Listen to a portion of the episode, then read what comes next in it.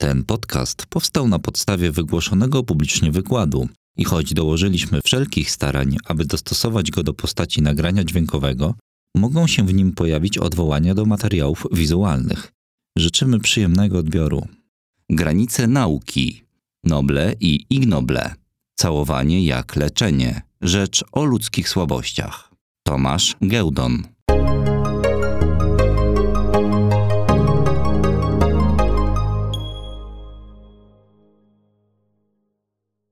Witam Państwa serdecznie. Witajcie dziadki. Em, Tematem em, wykładu mojego, mam nadzieję, że się nie podusimy, trzeba będzie, jest całowanie jak leczenie, czyli rzecz o ludzkich słabościach. Oczywiście temat wykładu został sformułowany tak, żeby stanowić odrobinę wabik, natomiast będzie i o jednym, i o drugim, o słabościach też w różnym wymiarze.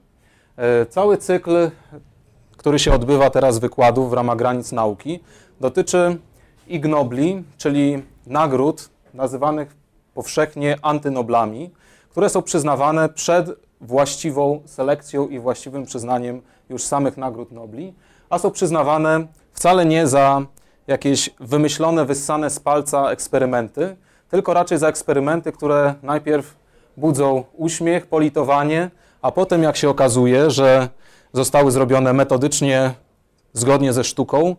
Jak się okazuje, że rzeczywiście i statystycznie, i cała konstrukcja eksperymentu jest zgodna z prawdą i dodatkowo wychodzą z tego miarodajne wyniki, no to tym samym budzi to bardzo często przyczynek do kontynuowania badań, a nawet do bardzo praktycznych potem zastosowań.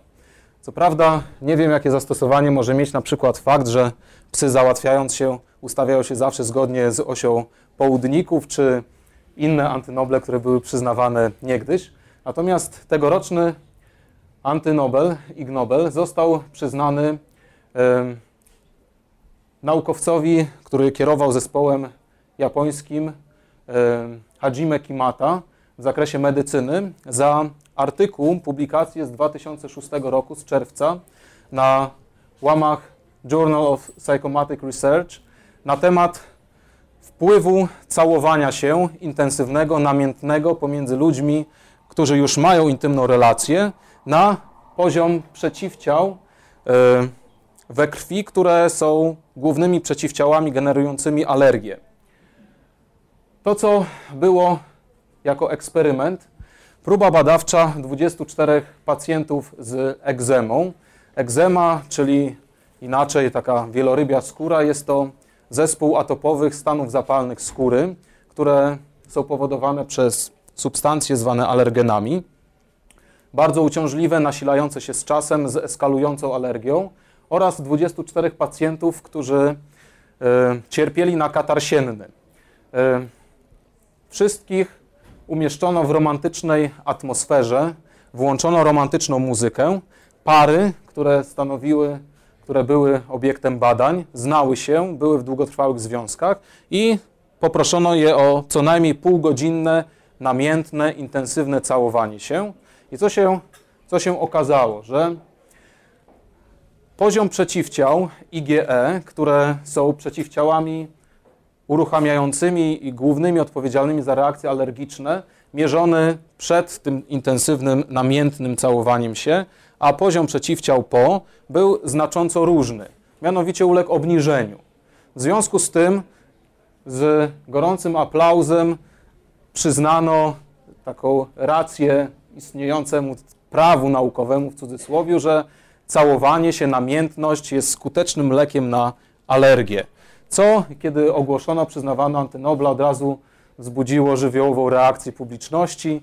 No, nie doszło do jakichś tam orgiastycznych zachowań, tak, ale bardzo sympatyczny, bardzo sympatyczny fakt.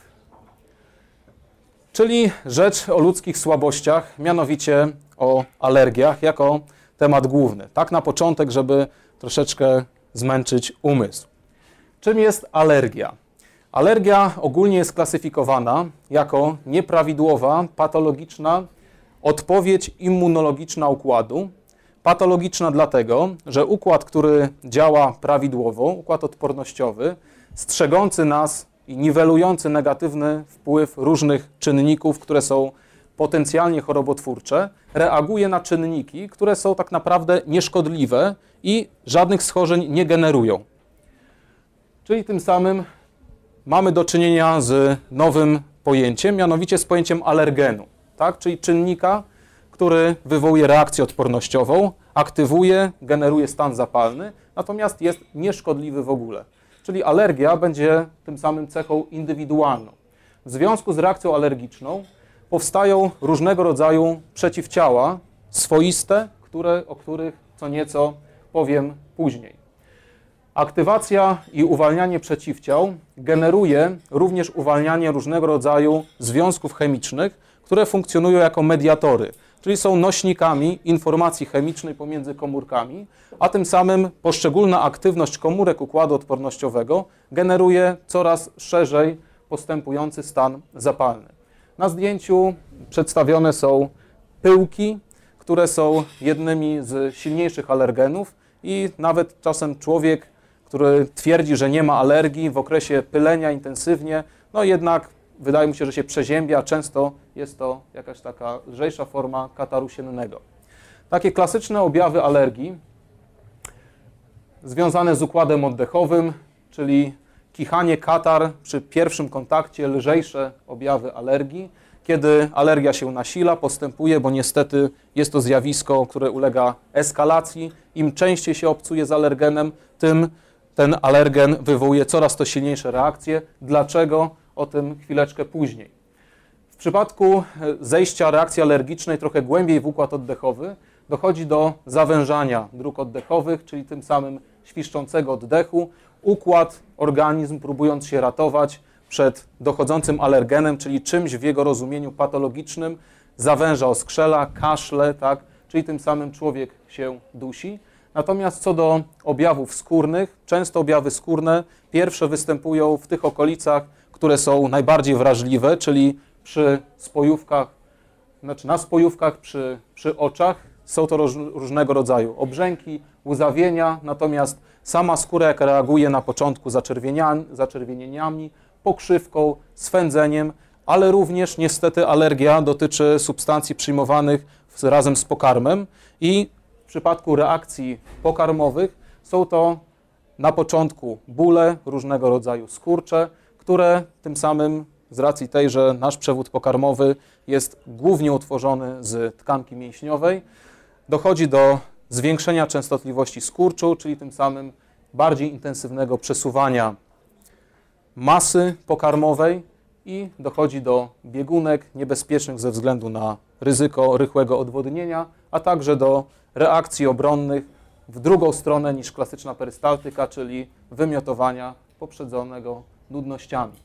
W przypadku skrajnie silnej reakcji alergicznej dochodzi do anafilaksji lub inaczej wstrząsu anafilaktycznego, który jest o tyle niebezpieczny, że w przypadku braku natychmiastowej reakcji wiąże się ze zgonem takiej osoby uczulonej.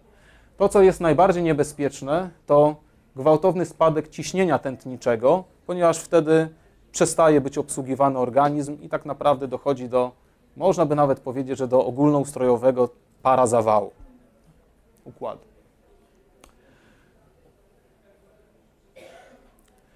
Co jest odpowiedzialne i co jest bezpośrednio związane z reakcjami alergicznymi? Są to dwie grupy składników. Pierwsza są to komórki układu odpornościowego, które są szczególnie związane z reakcją alergiczną.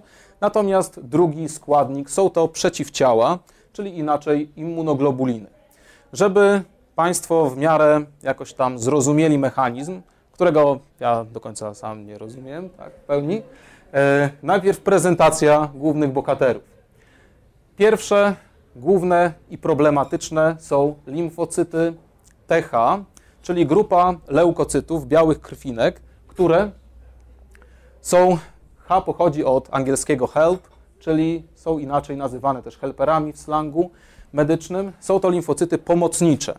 Jednak nazwa jest o tyle myląca, że e, wcześniejsze badania, kiedy stwierdzono działanie tych limfocytów jako dopełniających odpowiedź immunologiczną, były troszeczkę mylne. Okazało się potem, że tych limfocytów T jest TH jest na tyle dużo odmian między innymi nie do końca nawet do dziś poznane, niedawno odkryte limfocyty T3, że się okazuje, że tak naprawdę to są główne limfocyty sterujące całą odpornością. To, co jest szkolnie podawane jako ich główna funkcja, to jest regulacja odpowiedzi immunologicznej, czyli ogólnie reakcji całego układu odpornościowego. Limfocyty TH same nie są w stanie reagować na czynniki alergenne czy czynniki obce. Potrzeba pobudzenia przez komórki zebrane jako grupa APC, czyli Antigen Presenting Cells. Jest to układ, który tłumaczy dla mnie jedną z pierwszych zagadek medycznych. Mianowicie, nie wiem, czy Państwo kojarzą, był kiedyś taki serial Było sobie życie. E, w tym serialu pojawiali się zawsze tacy nieogoleni, no, tacy goście z marginesu, tak? I zawsze robili jakąś burdę w organizmie, potem komórki ciała dobrotliwe reagowały. I jako dziecko zastanawiałem się, czemu, czemu pojawiają się tacy goście w organizmie, wszystkie komórki chodzą obok i nikt nie zwraca uwagi. Przecież oni są tak charakterystyczni. No, sytuację całą wyjaśnia właśnie ten zespół komórek APC. Mianowicie są to komórki wyspecjalizowane w rozpoznawaniu czynników identyfikacyjnych na błonach takich przybyszy, kiedy są na ich błonach. Inne komórki tego nie potrafią. Inne komórki są w stanie reagować wyłącznie, czyli powiedzmy w cudzysłowie, widzą komórki własne, własnych kolegów z własnego pochodzenia, które mają tożsamość genomową. Do komórek zaliczanych do tego układu rozpoznawczego należą limfocyty B, komórki dendrytyczne, między innymi, oraz makrofagi, które są z reguły pierwszymi komórkami kontaktującymi się z czymś nowym w organizmie i po sfagocytowaniu, czyli w ujęciu komórkowym, zjedzeniu takiego nowego przybysza, to dzięki czemu rozpoznali go jako nowego, wbudowują we własne błony i dopiero wtedy mogą stymulować pozostałe składniki komórkowe, czyli m.in. limfocyty TH. Limfocyty TH, czyli pomocnicze, w stanie niepobudzonym są określane jako limfocyty dziewicze. I w zależności od tego, jak zostaną pobudzone, ulegają aktywacji do konkretnego typu limfocytów. To, co jest ważne w kontekście alergii, to są dwa pierwsze typy limfocytarne, mianowicie limfocyty TH1, które odpowiadają za rozpoczęcie odpowiedzi komórkowej immunologicznej, czyli reakcji układu odpornościowego polegającej na bezpośrednim kontakcie komórek z patogenami.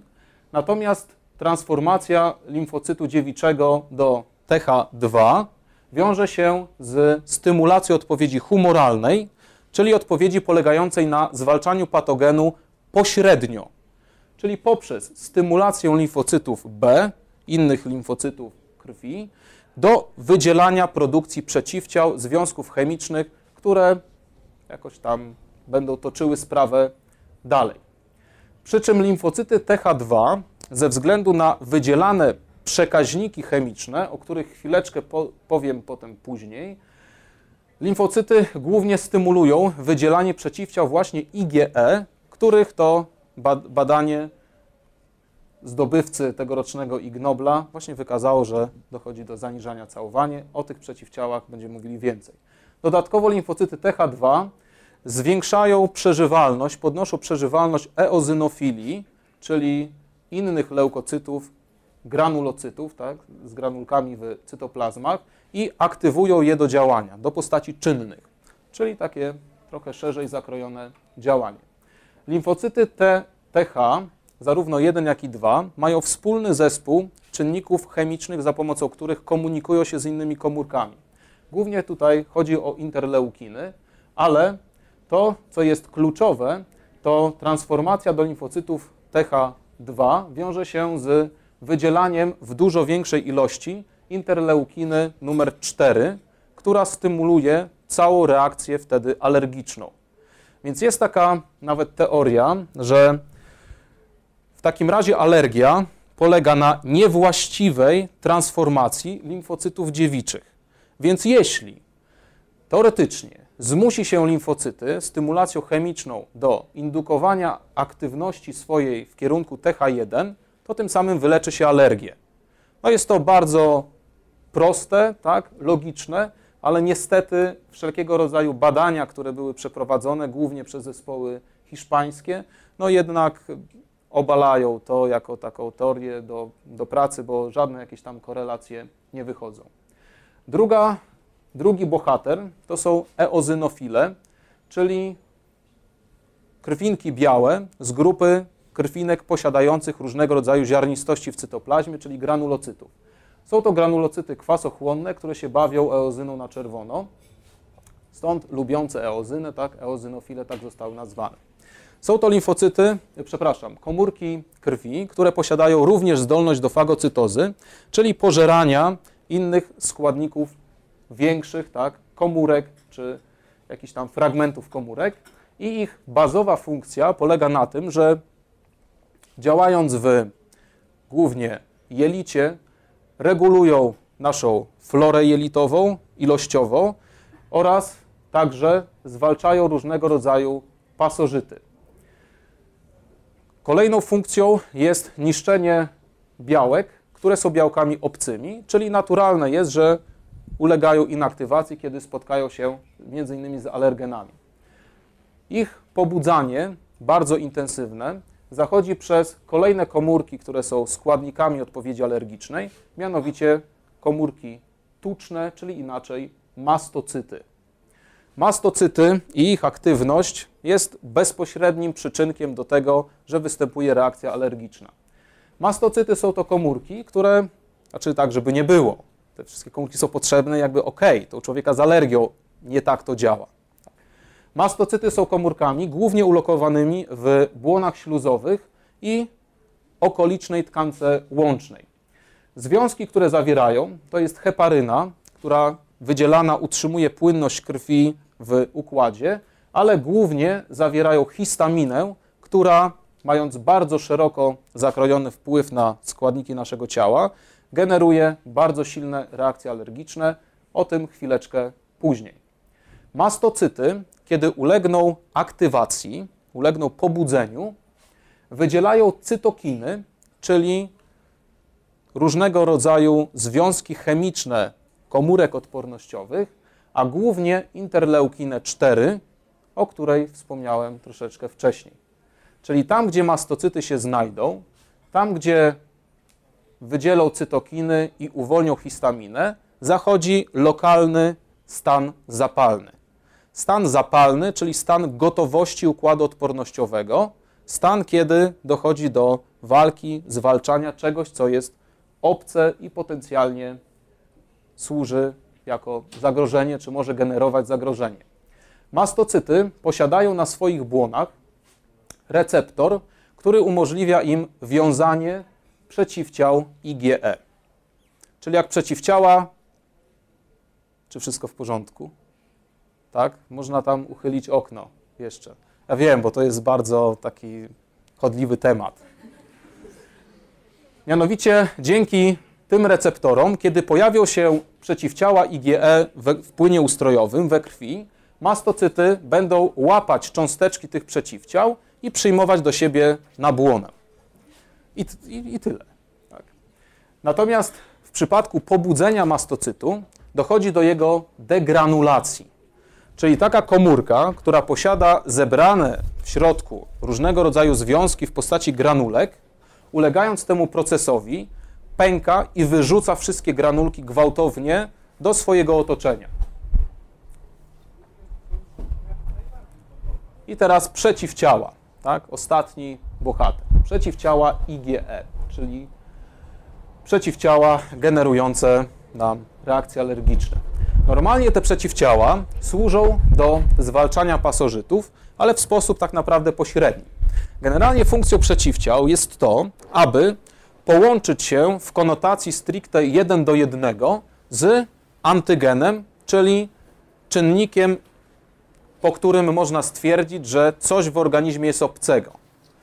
Takie przeciwciało, pasując dane jedno przeciwciało do danego jednego antygenu, łącząc się z nim, tym samym znakuje ten obiekt jako obiekt do kasacji.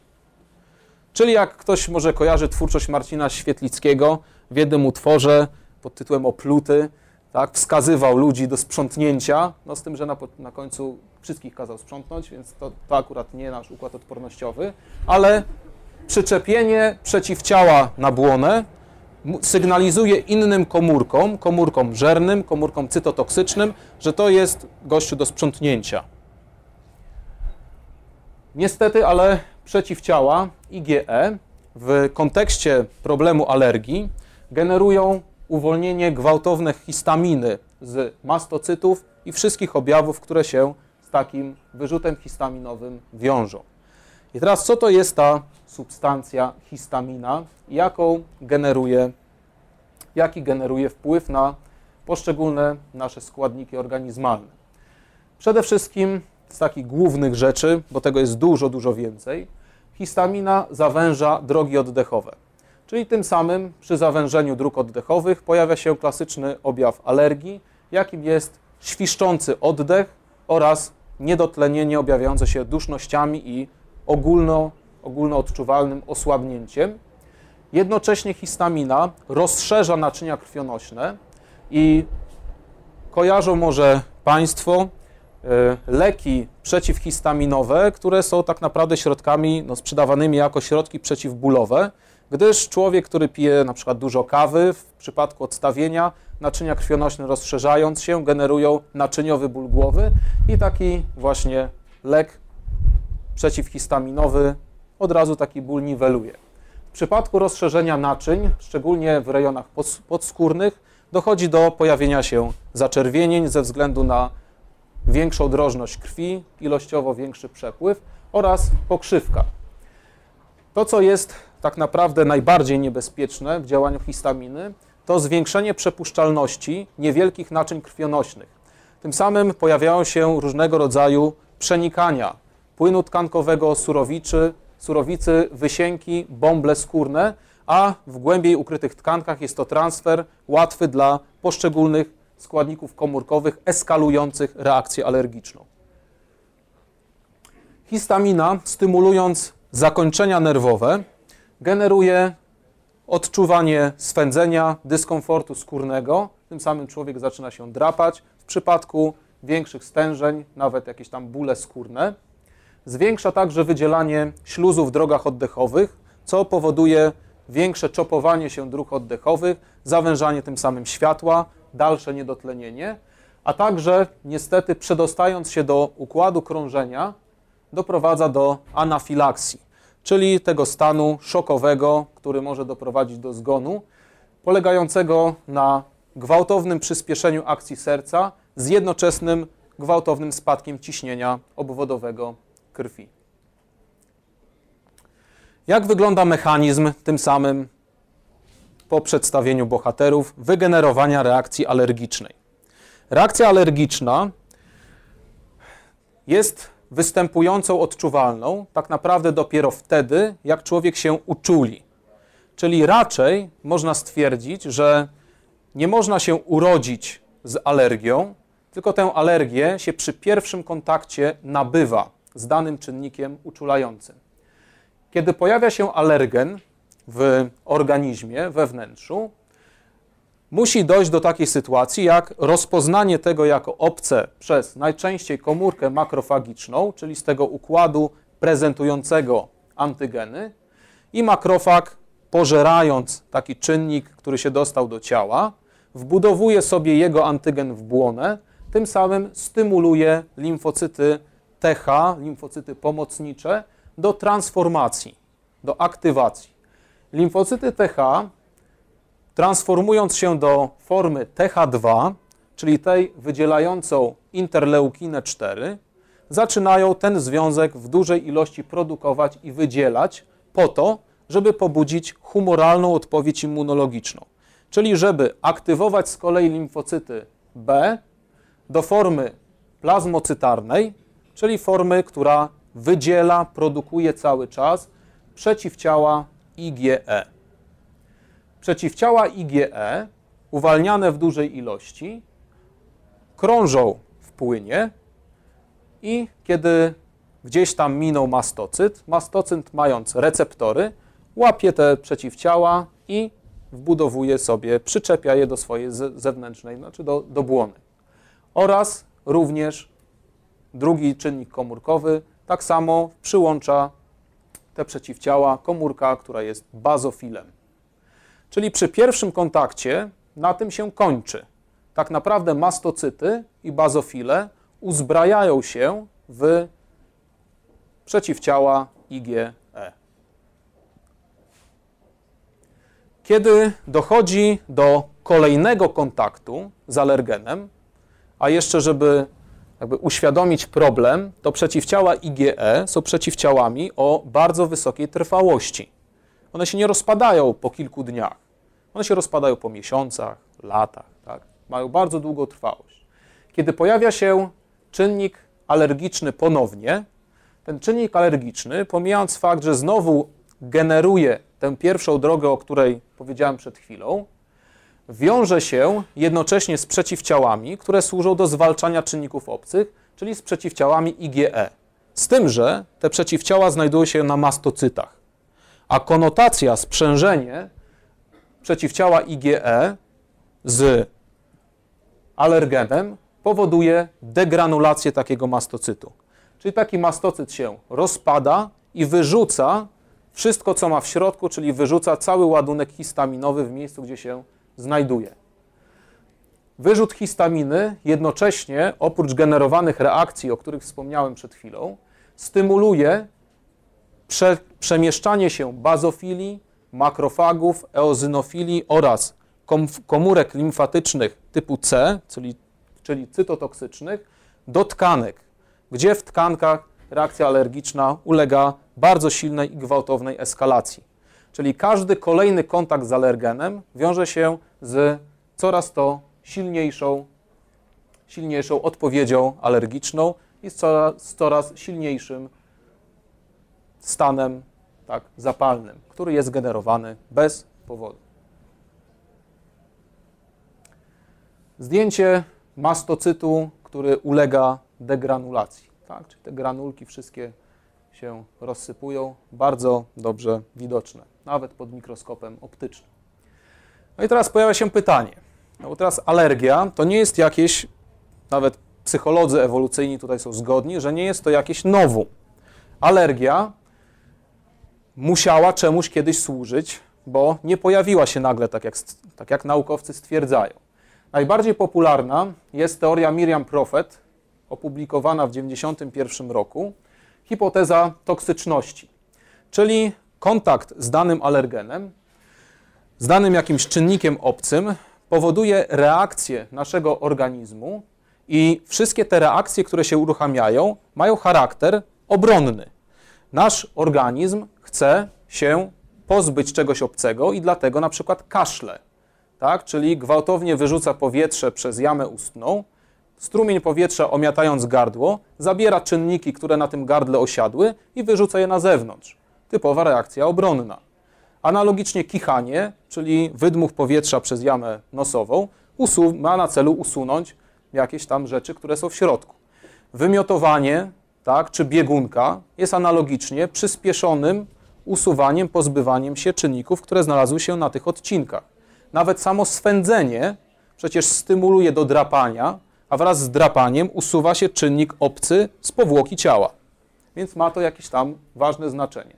Nawet hipoteza toksyczności odnosi się do tego, co jest najbardziej niebezpieczne, czyli spadku ciśnienia krwi. W sytuacji, kiedy dochodzi do na przykład ukąszenia przez jadowite zwierzę i toksyna rozchodzi się w naszym organizmie poprzez właśnie układ krwionośny, obniżenie ciśnienia krwi sprawia, że ta toksyna rozchodzi się wolniej, tym samym dedykując większą ilość czasu na reakcję i jakieś tam przeciwdziałanie. Co jest ciekawe, to okazuje się, że osoby, które są uczulone na różnego rodzaju toksyny i jady, jednocześnie nie są uczulone na te rzeczy, które trafiają nas powłokowo, czyli na pyłki roślin i odwrotnie. Tak. Jednak dzisiejsze czasy oferują troszeczkę inne warunki niż miał człowiek pierwotny. Pierwsza rzecz, że składniki pokarmowe nie są oczywiste. Człowiek pierwotny, kiedy zjadł jagodę, którą znalazł i mu się spodobała, źle się poczuł, to potem jagody już nie dotknął.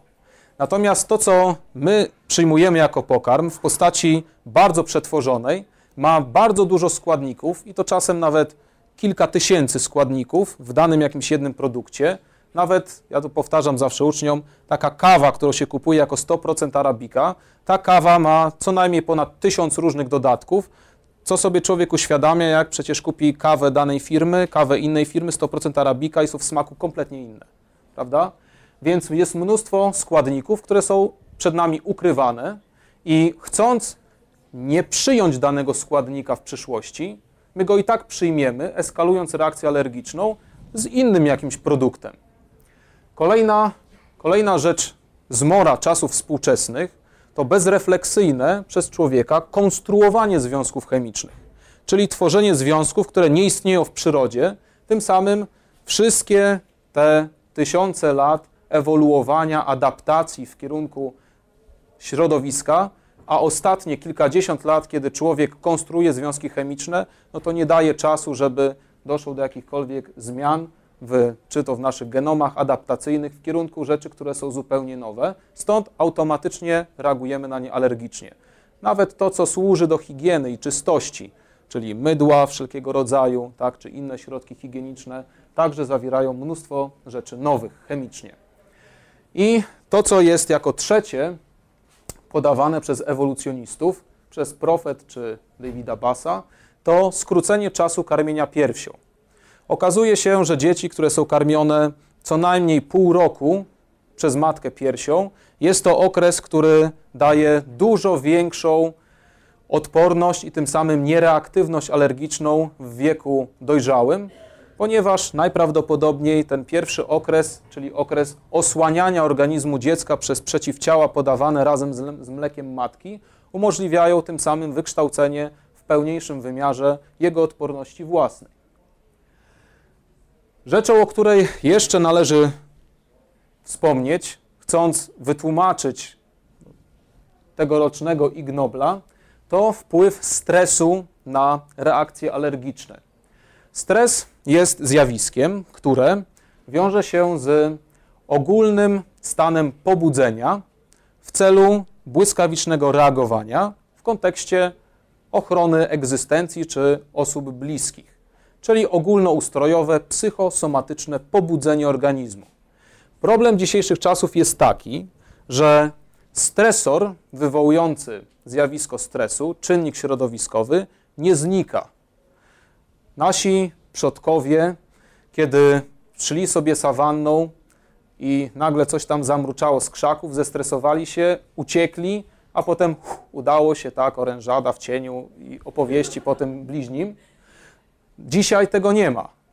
Człowiek idzie do pracy, jest stresowany przez kilka godzin, wraca, już się stresuje, bo jutro też idzie do pracy, a stresorów jest mnóstwo, a to nie tylko praca. Tak?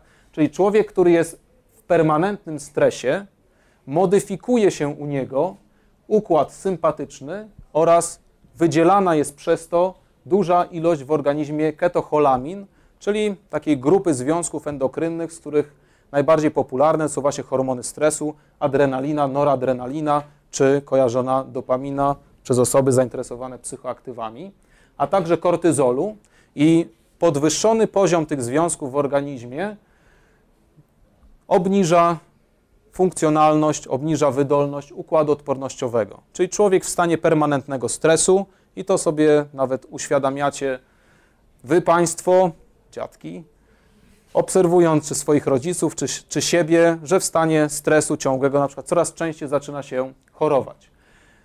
Hiszpańs, hiszpański zespół pod przewodnictwem Montoro w 2009 roku opublikował właśnie bardzo taki obfity artykuł, w którym wysuwa jasną sugestię, że poziom wysoki związków, które wiążą się z działaniem stresorów o charakterze permanentnym, najprawdopodobniej zakłóca wybalansowane proporcje pomiędzy przemianą, aktywacją limfocytów dziewiczych do TH1 i TH2 na rzecz większej ilości syntezy czy aktywacji właśnie limfocytów TH2. No ale teraz, co mają do tego pocałunki, tak?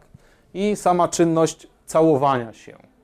Pocałunki są obecne w naszym życiu, naszej kulturze w sposób tak naprawdę ciągły.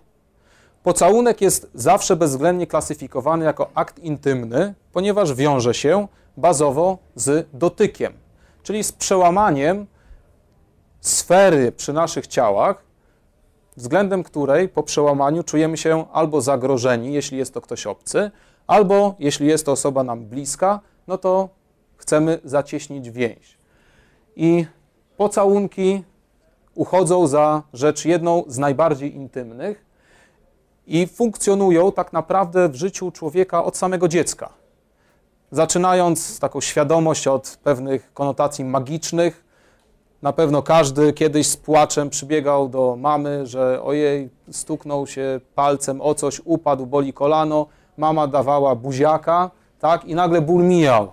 Już nie było napięcia, stresu, dobroczynne działanie. Pocałunek jest tym samym kojarzony bezwzględnie zawsze jako coś pozytywnego.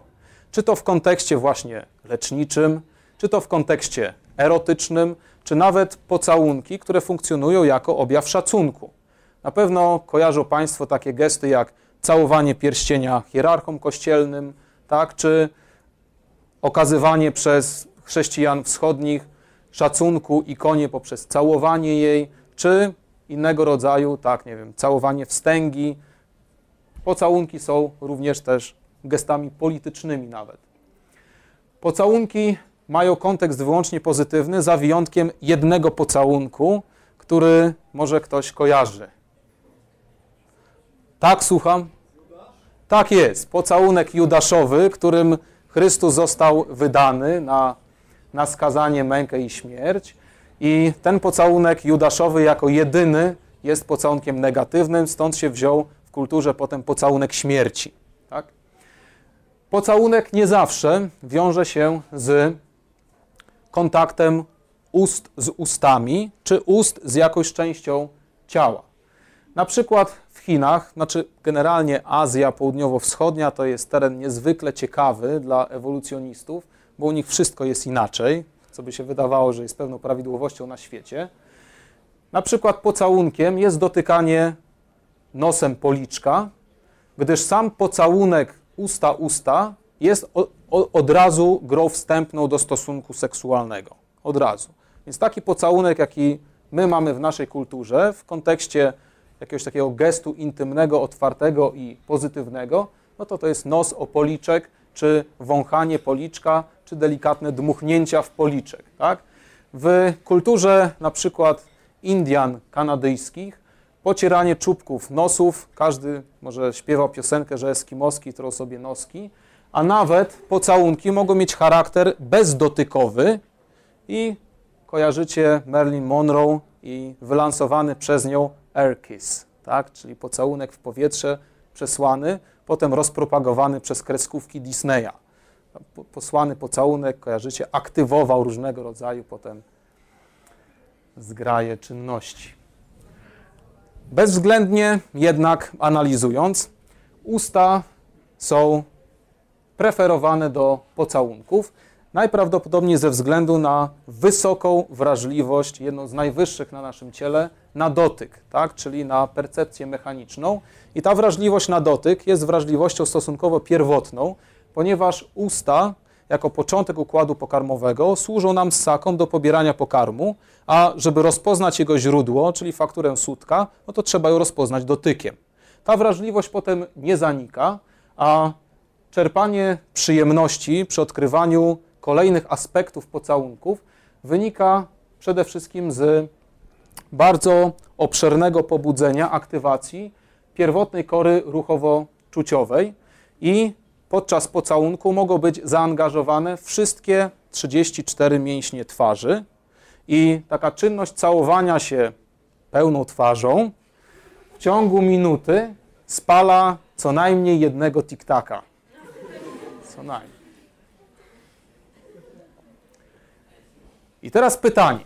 czy te pocałunki, które są tak powszechne we wszystkich kulturach, czy są czymś pierwotnym, ewolucyjnym, naturalnym, czy są raczej czymś, co się pojawiło i zostało wyuczone. Są zwolennicy oczywiście jednej i drugiej teorii. Teoria mówiąca o wyuczeniu jest teorią rozpropagowaną i tak naprawdę tylko Crowley o niej pisał. Jego publikacja z 1929 roku już tutaj świadczy o pewnym archaizmie. Zwolennicy tej teorii opierają się wyłącznie na badaniach historycznych, czyli analiza twórczości przykład starożytnego Egiptu, szeroko rozumianej, no nigdzie nie sugeruje, żeby były jakiekolwiek gesty, które można by było podciągnąć o pocałunki, czyli w starożytnym Egipcie pocałunków nie było, więc nie było też ich wcześniej. Tym samym czasie w innych rejonach, czyli starożytna Grecja, Rzym, Indie, były pocałunki, ale funkcjonowały społecznie wyłącznie jako oznaka szacunku. Nie miały kontekstu ani intymnego, ani kontekstu związanego, nie wiem, z opiekuńczością, a na naszym gruncie, czyli europejskim, według tekstów historycznych, miniatur, pojawiły się dopiero w średniowieczu i służyły wyłącznie jako lans klasy wyższej. Tak, żeby było można rozróżnić, że pocałunek wiem, w dłoń, w rękę, w inne jakieś tam ozdoby czy atrybuty zbroi.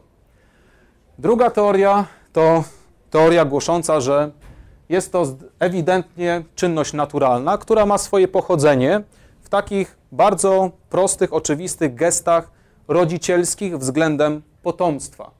Rodzice troszcząc się o potomstwo i stąd mógł się jakoś tam wziąć pocałunek, na przykład karmiąc je na pierwszych etapach, kiedy potomstwo nie jest w stanie samo jeszcze w pełni obrabiać pokarmu, karmi je papką podawa- wytworzoną przez własny aparat ustny za pomocą ust, tak? czyli stąd pocałunek, jak również aparaty, czy usta, aparaty gębowe zwierząt używane do oczyszczania sierści, skóry z pasożytów czy innych nieczystości. Ale jak się okazuje, to jest slajd dedykowany, jak się okazuje, e, u na przykład bonobo, słoni, wielu ptaków, jakiekolwiek muskanie się właśnie początkiem odcinka mm, przewodu pokarmowego jest bezwzględnie okazywaniem czułości. Tak, bonobo nawet kawały sobie robią, różne rzeczy, to są wyjątkowe, wyjątkowe zwierzęta. No i teraz, teraz kluczowe pytanie. Po co? Po co się całujemy? Po co funkcjonują pocałunki? Jaka jest ich rola?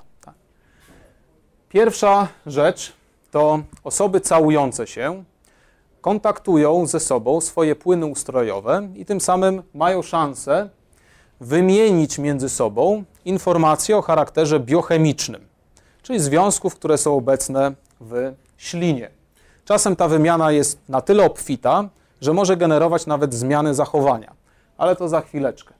I ta konotacja, wymiana czynników biochemicznych najprawdopodobniej ewolucyjnie ma służyć ocenie stanu zdrowia partnera lub potencjalnego partnera, czyli pocałunki jako swoisty tester.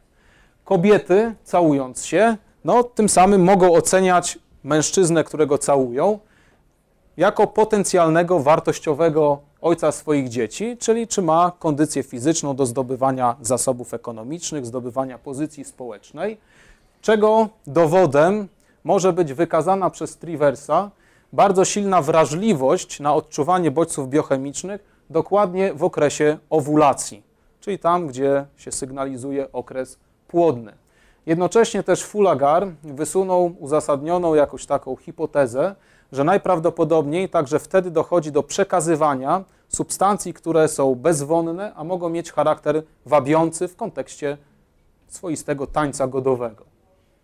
Natomiast mężczyźni pocałunki traktują zdecydowanie ciut inaczej i mężczyźni będą oceniali kondycję zdrowotną kobiety względem jej płodności, czyli matki jego dzieci. Podczas owulacji, czyli mężczyzna może wyczuć płodność, podczas owulacji rośnie w organizmie kobiety poziom estrogenów. Estrogeny stymulują szybsze złuszczanie się śluzówki jamy ustnej, co wiąże się z przyrostą, z przyrostem martwej masy organicznej w takiej jamie ustnej, a tym samym rozwój bakterii beztlenowych, co zmienia parametry świeżości oddechu, tak? co wyczuwa mężczyzna według badań Kana i Bonci opublikowanych w 2001 roku.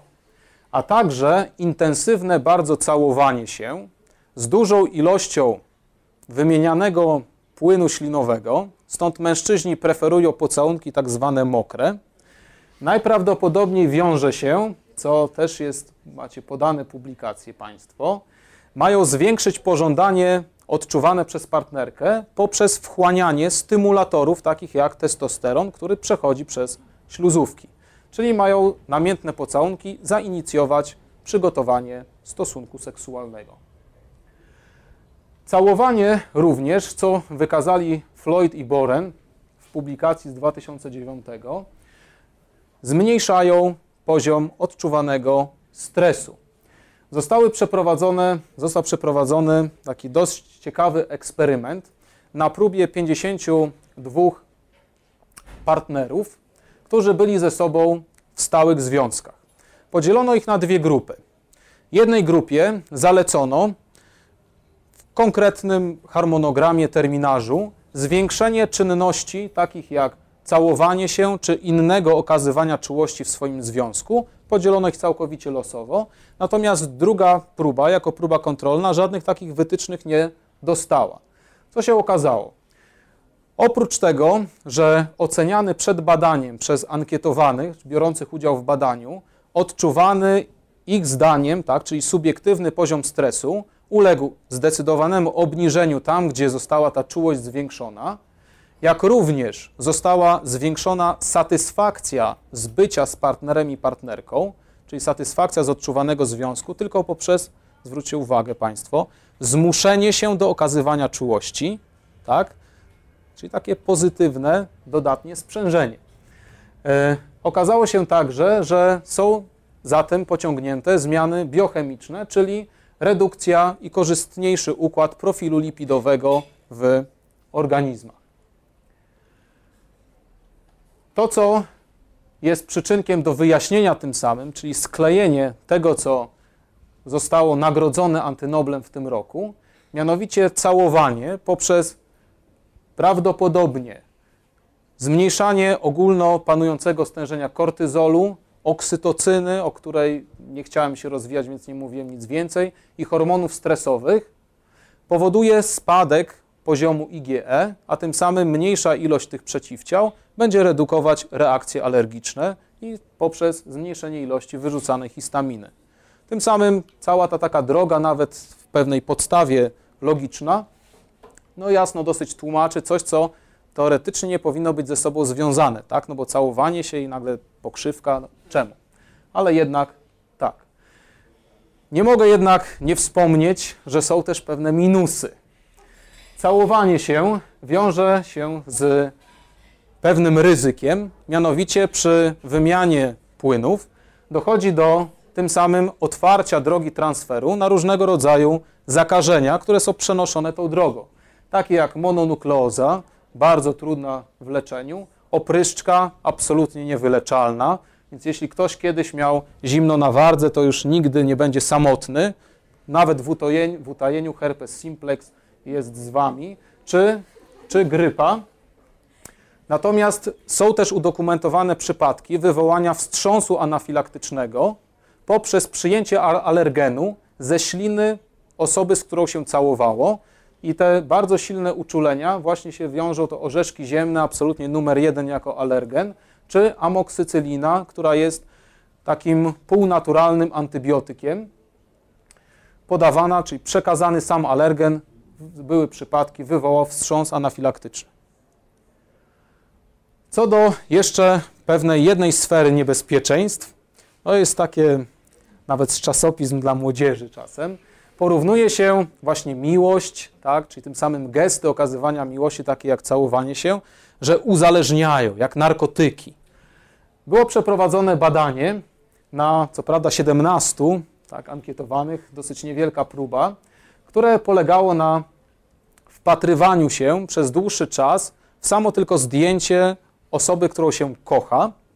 I podczas tego wpatrywania się badano aktywność mózgu. Co się okazało? Ewidentny przyrost aktywności prawego pola brzusznego nakrywki oraz prawego jądra ogoniastego, czyli tych części mózgu, które są bezpośrednio związane z motywacjami i nagradzaniem. I również są to te same rejony, w których działają receptory dopaminowe. Analogicznie, według tego samego mechanizmu i na tych samych receptorach, gdzie generowane jest silne uzależnienie od kokainy, które generowane jest nawet po jednym wzięciu. Już.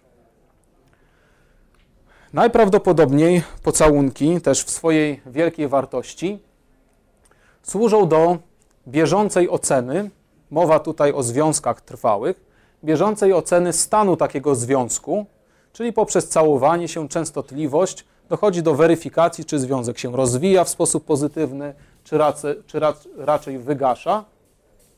Wygasza się i przede wszystkim takie podejście do pocałunków mają kobiety.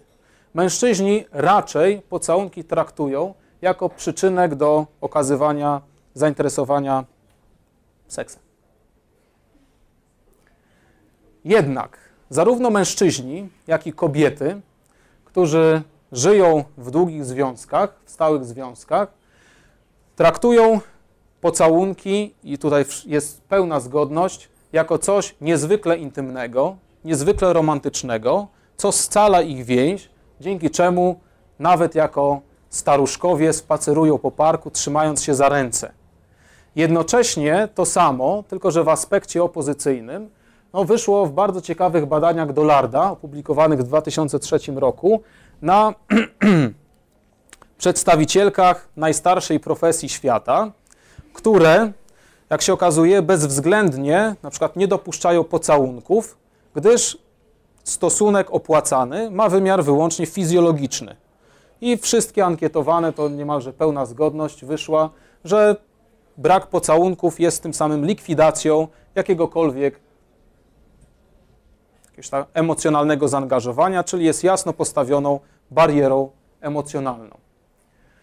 Także, żeby nie odbierać jakoś tam magii pocałunkom, tak, na pewno warto pamiętać, że są to czynności niezwykle intymne, o charakterze bardzo szeroko zakrojonym, a pocałunki mogą też być przekazywane w sposób niezwykle intelektualny, co myślę najdoskonalej zrobił nasz poeta, mianowicie Julian Tuwim w wierszu Lilia.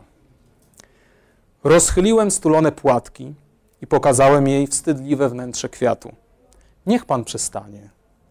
Jeszcze nie wiedząc, lecz już przeczuwając widocznie, zaśmiałem się nagle i nagle urwałem, bo podniecające i sekretne były jej oczy, zmrużone niezdecydowaną odpowiedzią. Wtedy rozwarłem szeroko na cztery strony świata białe ciało lilii i wilgotnymi wargami upieściłem wnętrze. A gdy podniosłem oczy, ona stała w pąsach z rozfalowaną piersią i błyszczącymi źrenicami. I uśmiechnąwszy się nikle, pewno z warg moich ufarbowanych żółtym pyłkiem, jakimś specyficznie wzruszonym i drżącym głosem powiedziała: Pan jest wyrafinowanie nieprzyzwoity. Bardzo dziękuję za uwagę.